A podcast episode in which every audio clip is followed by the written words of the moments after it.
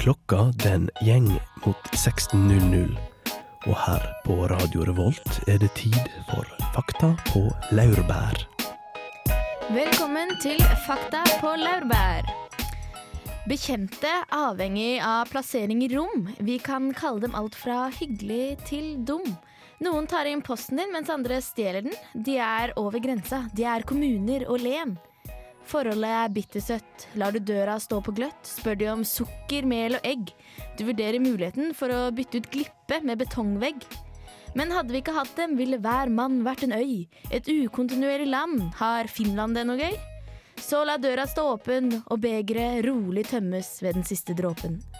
Velkommen, i dag skal vi ha om naboer her i Fakta på Laurbær. Med meg i studio har jeg som alltid Solveig, Astrid og Susanna. God morgen, jenter. Hei, hei. Men aller først i dag tenkte jeg vi skulle prate litt om våre egne naboforhold. Hvordan står det til med det? Jenter, hva med deg, Solveig? Du har vel noen artige nabohistorier på lur? Jo, øh, ja, hva skal jeg si. Jeg eh, har vokst opp i et hus øh, som er todelt, sånn at øh, vi, min familie og naboene, vi har alltid delt kjeller, da. Sånn at eh, det, det har hendt seg at jeg har møtt på en sånn eh, Ja, hun, eh, hun gamle dama da, som bor ved siden av oss, nede i kjelleren, når jeg bare skal hente litt brød eller noe i fryseren. Veldig skummelt. Ja, men Noen ganger så er det litt skummelt, for at selv om du vet at det bor noen andre i samme hus, så forventer du ikke å treffe dem i kjelleren, og så står jeg der, hun er hvit som et spøkelse, vet du. Får ikke så mye sol. Så det har vært litt sånn til tider litt creepy, kanskje. Ja, en traumatisk naboforhold der, altså. Er det noen av dere som Jeg har faktisk ikke hatt naboer ganske mye mens jeg var liten. Fordi Oi, vi bodde inne på et sånt gammelt verk. Men nå har vi plutselig fått naboer der. Og de, de har tre hunder. Eh, To av de er ganske snille, men den andre er ikke snill. Det er sånn eh, rottweiler, tror jeg er det det det heter. De svære, svarte Ja, de er i hvert fall stygge og fæle, har jeg Og den har de nå De binder den jo fast, da, men de binder den fast i klessnora vår. Så vi kan jo ikke henge opp klær uten å være, bli utsatt for høy risiko. Så det, jeg er ikke helt fornøyd med de naboene. Kan vi gi den støt, da? Du kan gi dem støt, hundene altså. Ja, Bikkjene Ja, bare uh. Ja, altså, Klærne er jo våte hvis du bare sender litt elektrisitet ovenifra. så Kanskje det holder med sånn elektrisk vepsesmekker. Ja, vepsesmekker, ja. Rottweil slash vepsesmekker. Jeg hadde en sånn vepsesmekker i klasserommet, husker jeg. Men Ragnhild, hva med deg?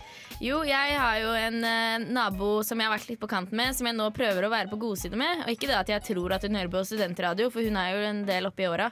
Men eh, 25-26. jeg har ikke lyst til å si noe slemt om henne lenger, for da hiver hun oss ut av leiligheten. eh, truer hun med. Hun truer også med at hun skal ringe foreldrene mine. Og i det hele tatt er eh, vi er fæle leietagere, vi, altså. Ja, nå må du passe deg hvis hun ringer mor og far.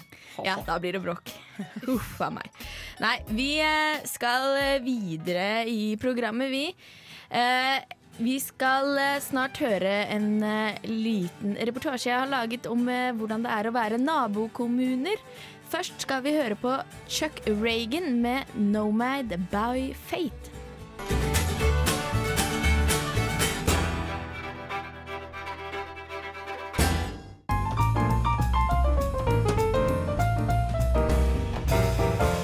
Fakta på laurbær.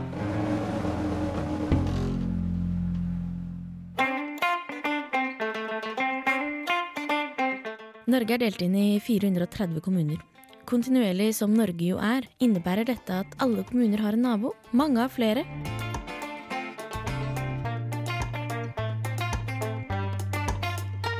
Naboskap er i populærkulturen sjelden malt rosenrødt. Donald er ikke på godfot med Jensen, og Jensen er nok ikke på godfot med Hansen, som igjen ikke er særlig begeistret for Olsen.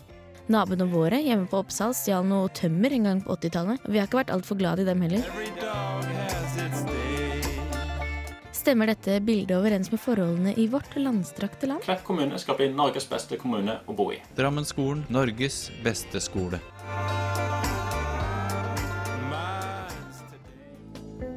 Kommunefeider er ikke et ukjent fenomen, og ved lokalvalg blusser fiendskapet opp når lokalpolitikere har muligheten til å bruke argumenter som 'ikke full barnehagedekning ennå, men vi har dobbelt så høy dekning som nabokommunen'.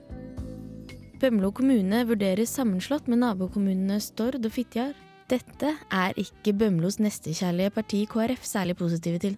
En av grunnene til dette uttaler KrFs førstekandidat Arnfinn Halderaker Husby, er at Bømlo har en bedre økonomi og et mer velfungerende sosialt program, og en sammenslåing kun vil tjene Stord og Fitjar.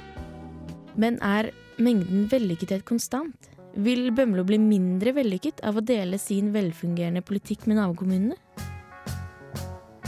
Forskning viser at prestene i parabelen om den barmhjertige samaritan handlet riktig, om den avgjørende parameteren er lykke.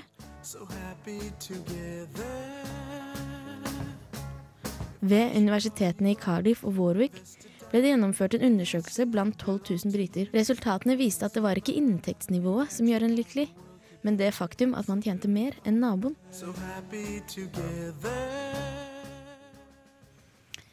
Så tror du du tjener eh, mer enn naboen, Susanne? Nei, det tror jeg ikke jeg gjør. Spør oss studentene. Ja, ja, masse, tror jeg.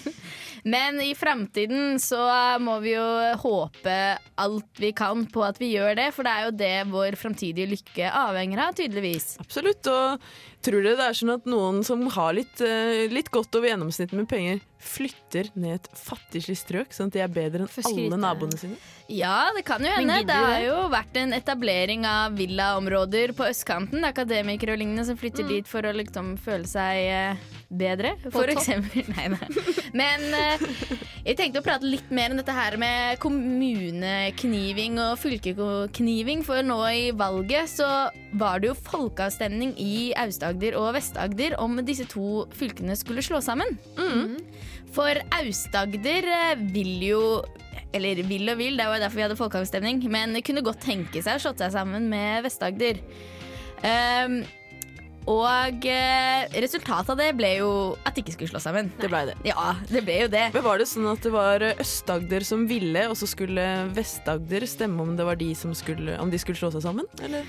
Hvem var mest keen, liksom? Mest keen. Altså, det viste seg at de som de eh, kommunene som ligger tett opp mot Vest-Agder, de ville veldig gjerne bli med dem. Og de vil bli med dem så mye at selv om folkeavstemningen sier nei, så blir de så, Altså, de, de går heller ut av Aust-Agder og bli med Vest-Agder. Men kan man bare gjøre sånn? Man kan ikke bare gjøre sånn. Man må jo ha med seg Stortinget, og når vi har eh, hva er det Meltveit Kleppa? Når vi har hun som minister og med i regjeringen, så spørs det hvordan det går med sentraliseringen her. Vi har jo lyst til å beholde, beholde fylker og kommuner sånn som de er, virker det som. Ja, men sånn er det veldig ofte i debatter om sånn skal vi slå sammen kommunene. Så er det veldig ofte at f.eks. la oss si Horten og Borre skulle slå sammen, eh, var det spørsmål om, i Vestfold fylke. Jaha. Eh, og der var det battle på begge sider. Hva er det vi får, hva er det vi eh, mister, hva slags kulturarv er det vi har? De hadde sånn vikingmuseum på den ene siden, men ikke på den andre siden. Så var det sånn, ja, Betyr det at det bare blir valfarting til det ene stedet, for da er det ikke noe vits å slå sammen, bla, bla, bla. bla. Ja, Det er utrolig battle pågående, tror jeg, i alle land. Det er det. Og vi har jo, eh, vi har jo altså, eh, hva heter det, byregioner, da, som f.eks. eksempel Kristiansand, har jo med seg alle, alle de omliggende kommunene i en stor by, byregion. Og det er jo på en måte litt derfor også man Noen vil fortsette å tilhøre Kristiansand, mens Ja. noen vil over på Arendalssiden. Altså. Mens det, det de ikke samarbeider om De samarbeider allerede godt om eh, Godt om eh, samferdsel og næringsliv og alt mulig. Mm. Men særlig kultur, det er veldig vanskelig å eh, liksom, kombinere, kombinere på tvers av kommunegrenser. Det får de ikke til. Ja. Men er det egentlig noe behov? Men hva med de der administrative For da trenger du jo ikke to fylkesadministratorer, eller fylkes... Vet ikke. Administratorer Noen mister jobben. For å si Noen sånn. mister jobben, eller er det flere som får, for da er det mer problemer? Ja, det blir like mye, på en Si måte. det, noen mister jobben, men på den annen side så får jo kommunene mye mer penger å rutte med når de Ja, slipper å betale to stykker for å drive med det samme Sant. når de gjerne kunne slått dem sammen. Jeg tror nok det er det som er den store drivkraften Ja. her.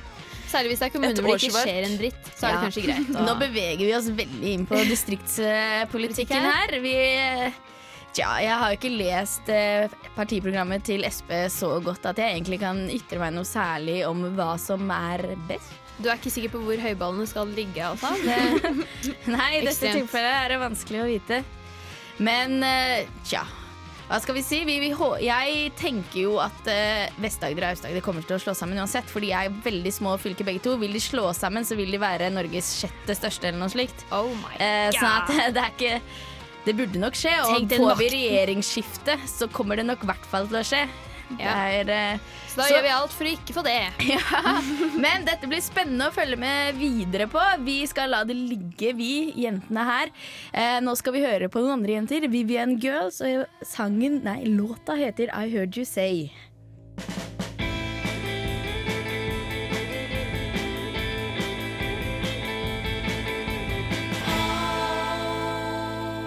Det biologiske hjørnet. Tomat er egentlig et bær. Visste du at tomat egentlig er et bær? Men når folk har slått fast det faktumet, så omtaler de fortsatt tomat som en grønnsak. Det forandrer seg ikke. Men det er egentlig et bær. Tomater er et bær! Egentlig! Det biologiske hjørnet.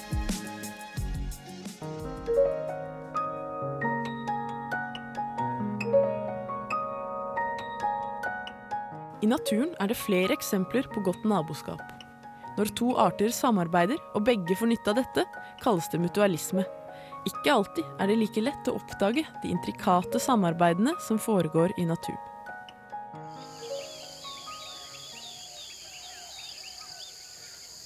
I Amazonas snakker lokalbefolkningen om såkalte devil gardens, der nesten utelukkende en utvalgt planteart regjerer. Alle andre planter ser på mystisk vis ut til å være utryddet i disse hagene. De lokale mente det måtte være den onde skogsguden Chulachaki som hadde overtatt trærne og utryddet alt i nærheten. Riktignok er det noe som tar bosted i trærne, men dette er ikke en skogsgud, heller en maur av arten blakuttermaur. Mauren bor i oppsvulmede sprekker i stengelen på planten, der den oppbevarer eggene sine og holder tue. Mauren beskytter også planten mot inntrengere, og med sitt store antall er nesten ingen inntrenger vanskelig å bekjempe. Vertsplanten Duroya hirsuta, som er en type maure, tjener altså mye på dette naboskapet, samtidig som den tilbyr mauren et ideelt oppholdssted.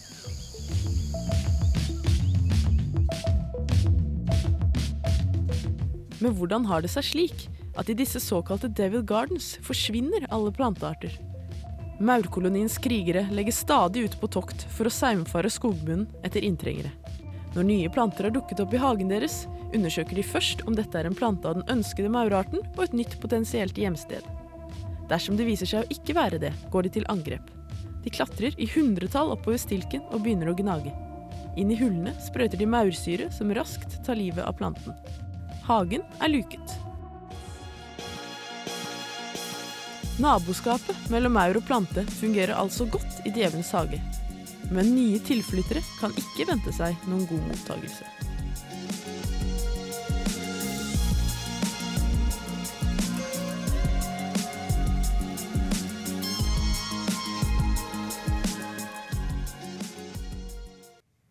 Dette var spennende, Susanne. Djevelens hage. Ja, Kan du fortelle meg mer? Ja, jeg kan fortelle litt mer enn det som var i den saken. Og det er at eh, i tillegg til at maur og maure er naboer, så er mauren også bonde inni maura. For den har faktisk eh, Den dyrker bladlus. Det høres kanskje litt rart ut, men den passer på små eh, bladluslarver. Og i belønning så får den sånn eh, honeydew, heter det. Som er en slags søt saft som bladlusa gir til mauren for at den skal passe på den. Og sånn sett så, eh, så En symbiose av liv og Ja. sirkel av liv. Så eh, bladlusa får en trygg søtere? oppvekst, og mauren får mat. Og veldig fint. I all verden, dette var en lykkehistorie Ja, fra romantisk naturen. Mm. Det er Litt som High School man har hørt noe lignende, fordi noen symbioser ender jo i død og fordervelse for den ene arten, men her går det greit. Ja, for maura går det bra, men for de andre blomstene i Devil's Garden så går det jo veldig dårlig. De, eh, de blir tatt livet av, rett og slett. Å, herregud. For et ja. For et liv! Ja, naboskap. nesten martyr, da.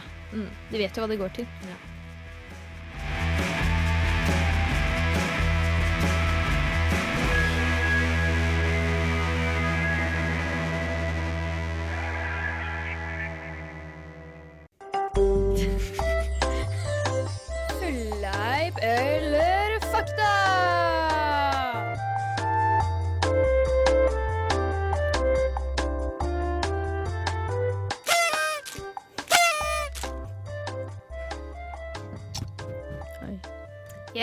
da håper jeg noen er klare for uh, fleip eller fakta. Jeg vet at jeg er klar. Rekk opp hånda! nå Vi gjør det. Du ser det ikke, men vi gjør Vi det. driver jo med naboskap, og eh, etter å ha forsket ekstremt på kartet, så ser jeg at vi er faktisk er naboer med Danmark og Sverige. Er det noen som har Er vi det? naboer med Danmark? Eh, hvis du har båt, så Terje Vigen, hva er det? det? Terje Vigen. Han gikk det ikke så bra med. Men vi, kan vi ikke ta en liten fleip eller fakta om Jo, det? la oss gjøre det. La oss gjøre det. Da begynner vi med Sverige. Er det sant at Sverige er det femte største landet i EU? Nei. Jo. Er det så stort? Ukraina er stort, men det er kanskje ikke med i EU engang. Frankrike og Spania er stort. Tyskland er veldig stort. Sverige er jo faktisk veldig stort. Ja, det er kanskje det. Men på den annen side så er jo, blir jo land mindre jo lenger bort Nei, jeg mener de blir større jo lenger bort fra ekvator Ja. du kommer. Så sånn sett så kan det hende at eh, kartet har lyvd til oss hele oppveksten, og Sverige egentlig er en lita dott. Men, eh, løyet, altså? Men vet du hva, jeg velger å si ja på dette spørsmålet her. Jeg jeg velger å si nei. Jeg tror det er sjette størst. Ok, da var en ja nei. Det er faktisk fleip, fordi det er faen meg det tredje største landet Oi, i men EU. fader rullan seg! Så det er For et flater ca. 450 000 kvadratmeter. Det er jo helt fantastisk. Det er større enn Ikea. Nesten. Neste. Eh, Sverige ble ikke medlem av Nato før i 1964, altså hele 15 år etter at Norge ble innlemma. Er dette sant? Fleip eller fakta? Sverige har jo vært noen etternølere, da. De har jo vært mye nøytrale og eh, egentlig ikke opptatt av krig og sånn. Så hva tror du, eh, Sanna? Jeg synes det, Du, det har vært det de mest krigerske fram til sånn 1850 eller sånn. De bare wow! Grisebanka jo nesten Ja, det de hadde kriget fra seg, da, vet du. Ja, nå er de Roa seg ned. jeg sier uh, fleip uten å ha noe som helst anelse. Da får jeg si fakta, da, så vi har en liten konkurranse gående her. Mm. Eh, fleip er det, for Sverige har aldri vært medlem av Nato. Oi, så flaut! Å, Gud Åh, jeg vet ikke om jeg hadde turt å gå ut da, altså. Nei, jeg skal i hvert fall ikke dra til Sverige om tre uker. Men dette uker. vet du jo som er uh, geolog omtrent snart. Er det sant at det høyeste fjellet er Kebnekaise? Ja, selvfølgelig Ja. er det sant. Og hvor høyt er det da? Uh, det er ikke Er det ikke høyere enn Galdhøpiggen? Jo, men det er ikke drithøyt. Nei. Det var det jeg skulle fra til. Ikke Kanskje, drithøyt. men jeg tror ikke det er over 3000. Kanskje sånn 2968? Ja. Ja, for Galdhøpiggen er 2469, er det ikke det? Noe sånt. 2469. Ja. etter en justering på 1 cm etter hvert, så de kan ødelegge den 2468. Au, au, au. Det blir det aldri gjort. Men uh, nå, Astrid, jeg er veldig spent på høyden. Det er uh, sant. Den er 2111 meter over havet. Ikke høring av Galdhøpiggen, altså. Så vi rekker ikke noe annet enn den siste Danmarks eh, Er det sant at Danmark består av 300 øyer? 300 øyer. 300 øyer. Det består ikke av tre øyer, da? Tre øyer? Tre øyer pluss Bornholm. Ja, hvor mange tror dere? Jeg, fleip. Jeg tror eh, 60. To. Hva tror du? Jeg tror, tror 26, for jeg, vi har gjetta motsatt av hverandre i hele dag. Da kan jeg overraske med at det består av 407 øyer, og det er faktisk det siste vi rekker. Før det er Vi har lært så mye nytt om våre naboland nå. Oh. Nå skal vi høre på Madness med Our House her på Radio Revolt. Så håper det rykker i rockefoten.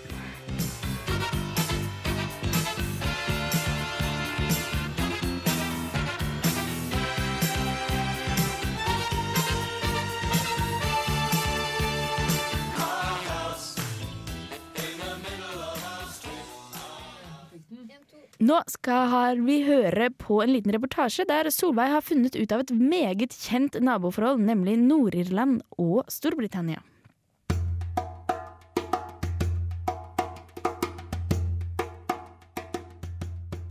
Konflikten i Nord-Irland har røtter helt tilbake til 1542, da Henrik den 8. la Irland under seg og innførte protestantisk styre i et katolsk land. Irland løsrev seg fra Storbritannia i 1922 og ble etablert som selvstendig stat. Seks fylker ble værende under britisk kontroll og dannet provinsen Nord-Irland. Det nordirske parlamentet på Stormont ble dominert av de irske unionistene, som ga klare fordeler til provinsens protestanter. Den katolske befolkningen ble ansett som ren underklasse. Konflikten blomstret igjen på 60-tallet, da den katolske befolkningen i provinsen reiste krav om bl.a. retten til irsk statsborgerskap, retten til å etablere katolske skoler og retten til å stemme. Bevegelsen ga også utgangspunkt til IRA, en irsk paramilitær bevegelse som kjemper for en samlet irsk republikk, uavhengig av Storbritannia.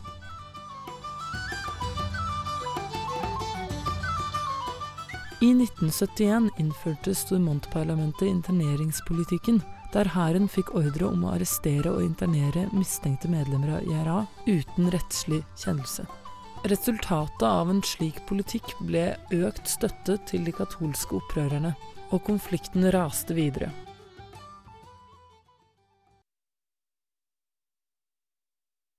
Syttitallet blir videre preget av en stadig blodigere konflikt som kulminerer i dager som Bloody Sunday 30. januar 1972, der 14 katolikker ble drept under en demonstrasjon.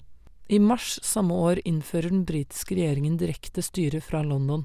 21. juli sprenger IRA 22 bomber i Belfast på det som senere ble kalt Bloody Friday. De dreper ni og sårer 130 mennesker. Opptøyene går frem og tilbake helt til langt utpå 90-tallet.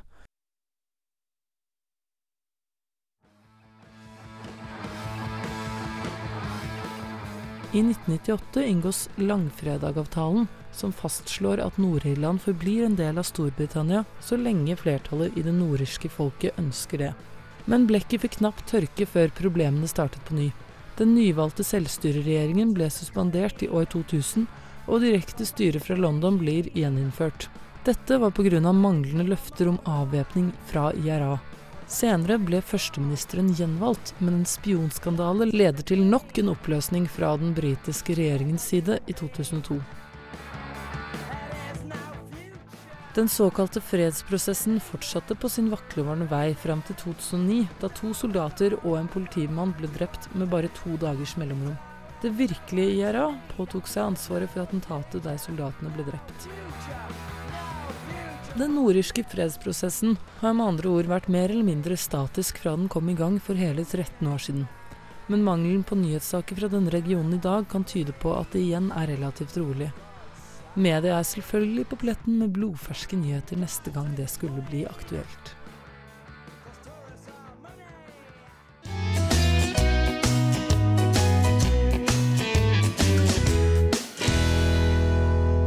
Fakta på laurbær. Slik står det altså til i Storbritannia. Denne konflikten eh, går jo på ennå. Men eh, verden byr på flere nabokrangler, for å si det sånn. Det er jo et eh, litt ulendt terreng å begi seg ut på, særlig hvis vi skal til Gaza og Israel. Det er jo veldig spennende det som skjer i Amerika nå, men er det nesten så spennende at ikke vi klarer å fatte det? Kanskje. Kanskje. Så vi skal bare la det ligge. Like lurt. Jo, men det er liksom, Du kan liksom ikke nevne sånn Ja, Etiopia, Eritrea, Vest-Sahara, Marokko Uten å på en måte gå i dybden av det. Så da er det bedre å bare drite i det isteden. Ja, Vi kan bare, egentlig bare liste opp alle steder som har det litt ugreit, og så kan vi gå videre. Ja, ja. Er det Hutu, Tutsi, Ron Men det er jo ferdig nå. Hvis man skulle lage en topp ti-liste, da. Topp Ja, 10-liste. topp Da 10-liste. ville jeg jo ha inkludert eh, Nord- og Sør-Korea. Ja, De har jo ikke hatt det helt greit. Eh, De har det ikke Kan du ennå. egentlig kalle det et forhold? Snakker de med hverandre? Det lurer jeg på. Oh, ja, ja, for det Ja. må Men hva med et isfront? Er ikke det et slags forhold? Ja, jo, Ja. det kan du si. Det blir jo på en måte en, en ting som står imellom. Men de har jo et hatforhold, så det er jo på en måte et forhold. Alt som ikke Sånn er sett. ignoranse, Ja. er jo et forhold. Ja, ja, men jeg trodde de bare ignorerte hverandre. Men de har jo anerkjent at hverandre fins, for de driver jo og kriger litt mot Ja, hverandre. de kriger, altså, sender sender raketter. raketter. Ikke sant? Eh, Har de så- råd til det? Trodde ikke Men det prioriterer de mat. Det driter vi i raketter. Ja! Men det kan jo hende at det er litt Ja, da. At eh, de prioriterer raketter, så derfor Det er det noe ikke mat. kausalitet der. Det er nok, Og så har vi jo Hutsi Tutsi i Rwanda, men det Tutsi, tutsi, hutur og tutsi. Tutsi. Hutsi Tutsi, sier jeg. Det er det som står her. Men eh, det er jo eh, Det er jo på en måte skapt av Europa, så da er det jo ikke naboforholdet som Nei. har gjort at eh, Jo, men det er det At at, de dette er bor De vil vel ha to forskjellige Ja, jeg vet ikke. Skal man snakke om det de vil vel, eller de ville? Du må si ville, tror jeg, fordi at etter denne her konflikten 94. dette, Det er den best løste nabokonflikten ever, for de bygde opp hverandres hus og sånn etterpå. Ja. Og, Men først eh, var det vel ikke så god stemning. Jeg vil ikke som, si at eh, konflikten var så god. Nei. Nei, konflikten var ikke så bra, men løsningen på den, eller altså i etterkant, da, Det er litt som Norge har vært eh, etter, eh, etter sommeren nå. Liksom I etterkant så var det tutsier som hadde fått familiene drept, som eh, samarbeidet med drapsmennene til sin egen familie. liksom, Og bygge opp eh, landsbyer og sånn. Det var helt sykt. Dugnad på høyt nivå. Det, Ja, de er bedre enn oss Vi har sånn. stjålet toleranse fra Rwanda. Det var ikke et særnorsk eh, fenomen som Ja. Jens Stoltenberg kjørte gjennom etter 22. Men vi klarte i hvert fall å påføre krig og helvete der, da. Så Men vi har på en måte bidratt noe, føler jeg. Det hadde jo ikke vært så snille mot hverandre hvis ikke det hadde vært skikkelig jævlig først. Det Der kan vi ta litt av æren, syns jeg. Kom igjen. stemme. Nei, Europa innmari god på å skape gode naboforhold i resten av verden, og innmari gode på egne naboforhold også. Ja, ja, ja. EU går jo som smurt, det er jo en drøm. Ja. Men vi vil jo fortsatt ikke være med. Norge er sånn sur liten nabo. Det var eh. Ja, det er bedre å være på utsida. Ja. Her er High As A Kite med Indian Summer her på Radio Revolt. Etterpå skal Astrid forteller litt om nabokrangler i Norge.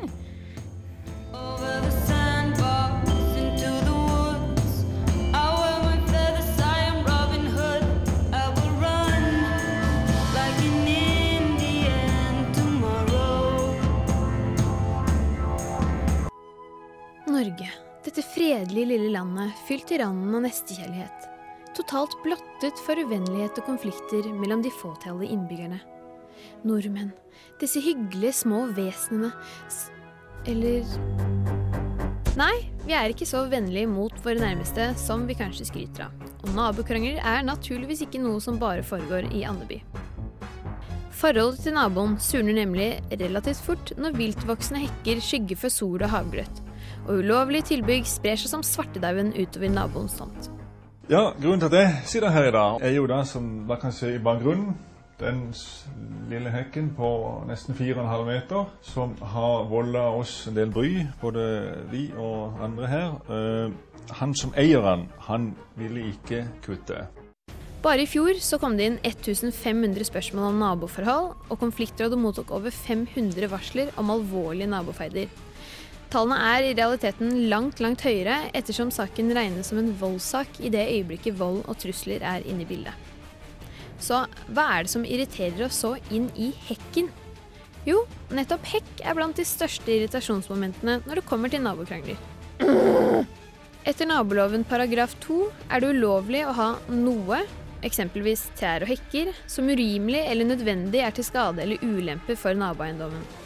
Dette blir derimot en vurderingssak, da Høyesterett har kommet til at tålegrensen for paragraf 2 ikke kan fikses til noe bestemt nivå, og det er ofte dette som fører til søksmål mellom naboer. Men søksmål er ikke den eneste måten å løse konflikten på. Historier om bortførte kjæledyr, drapstrusler, nedgrising av garasjeporter og en mann som reagerte med å blotte seg foran naboen etter en krangel om hekk og hageheller, er eksempler på naboer som fremfor å gå rettens vei, har valgt å ta saken i egne hender. Det viser seg i tillegg at sommeren ikke bare er høysesong for grilling, hagekos og pollenallergi, men at sommeren visstnok også er høysesong for nabokonflikt. Og det er den tiden på året hvor de fleste nabokrangler finner sted. Høylytt gressklipping til odde tider på døgnet, masete unger med måkeskrik fra trampolina og installasjon av vannspredder som samtidig vanner din kones puddel, kan føre til at plaskebassenget renner over for de på den andre siden av hekken. Så øker hatet mot naboen intenst i takt med volumet på rølpefesten han har arrangert. Løsningen på en nabokonflikt kan være enkel.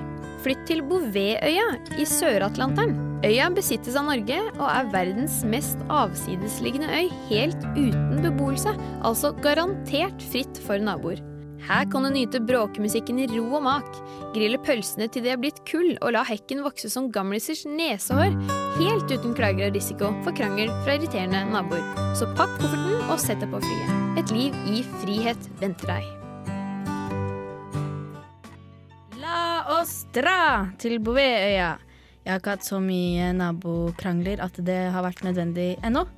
Men Astrid, du har hørt om en nabokrangel som gikk helt over styr. Ja, den gikk helt over styr. Ja, Oi, faktisk ja, så ja. eh, i Hvaler kommune, det ellers så enormt idylliske, selv om det er Østfold, og Flåttstedet, som er eh, litt sånn Bærumsted kanskje å være. Det Mm. Mange fancy folk som har hytte der. Men fancy folk pleier å krangle jævlig mye, og det er jo sånn som alle vet. Eh, De hadde en familiefeid der, så det var tre av fire hadde lyst til å selge huset, mens den siste hadde ikke lyst. Og reaksjonen på det var da, når det var visning, så hang denne siste personen som ikke hadde lyst til å selge huset sitt, opp en um, dukke av et eller annet eh, som skulle være menneskelignende, og så Det er altfor få naboer som henges nå om dagen. Mens det var visning med blod utover hele og alt mulig. Men det resulterte allikevel i at de fikk solgt boligen, så det var jo ikke noe vits. Nei, det var ikke noe vits. Vet du, at når du holdt på å fortelle denne historien her, så var jeg redd at denne skulle ende i at han hang seg, og jeg måtte si Astrid, Astrid, Astrid. Ikke Ja. Sånn ting. Å nei, ikke den igjen. Ja. Ja, Men det var jo ja, enda godt å bare det. være ei dokke og griseblod, for det Ja. takler vi jo alle sammen. Ja. Og eh, hus på Hvaler er jo så ettertraktet at hva gjør det vel med litt griseri? Ja. Nei, det var gjør du med litt griseri? Var det ikke en egen reality-serie, eller ikke reality, men en sånn serie på TV 2 som het Hvaler? Ja, Ja. Hvor alle var pene, snertne og rike? Det var de helt sikkert. Jeg så aldri Jeg på så heller aldri på Hvaler. Uff. Jeg men så på Himmelblå, da. NRK-satsing. Ja, Rikskanalen. Ja. Der har du det, for de, de kjører jo på. Flytt til nord, ikke sant? Flytt Mens helst. TV 2 er flytt der hvor alle andre også bor. Ja, Mens jeg er flytt til. Bouvetøya, der hvor det ikke er noen som bor. Ja, men det burde være det nye tilflyttingsprosjektet til Ja, Norge. Hvor ofte hører du om Bouvetøya? Ikke hver Eh, dag. Veldig, veldig sjelden. Men jeg tror eh, Går det an å dyrke epler der? Eh, ingenting. Jeg har faktisk sett eh, denne fra Google Earth. Uh, ikke, det ikke, de har ikke Street View der, da. Det er veldig keeperen. Eh, det ødelegger jo hele. Men den er så forblåst at det ikke er muligheter engang for uh, vanlige små fugler å legge reir der. Men det er Oi. bare å bytte, ta på deg våtdrakt og svømme av gårde. Men da slipper du i hvert fall at naboens epletre skygger Ja, for det sola. Og fuglebæsj på vinduene. Mm. Så flytt i vei. Her får dere høre Nat Baldwin med A Little Lost.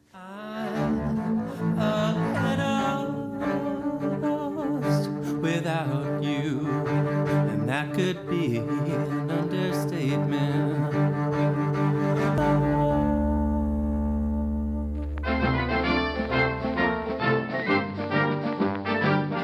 Fakta på laurbær.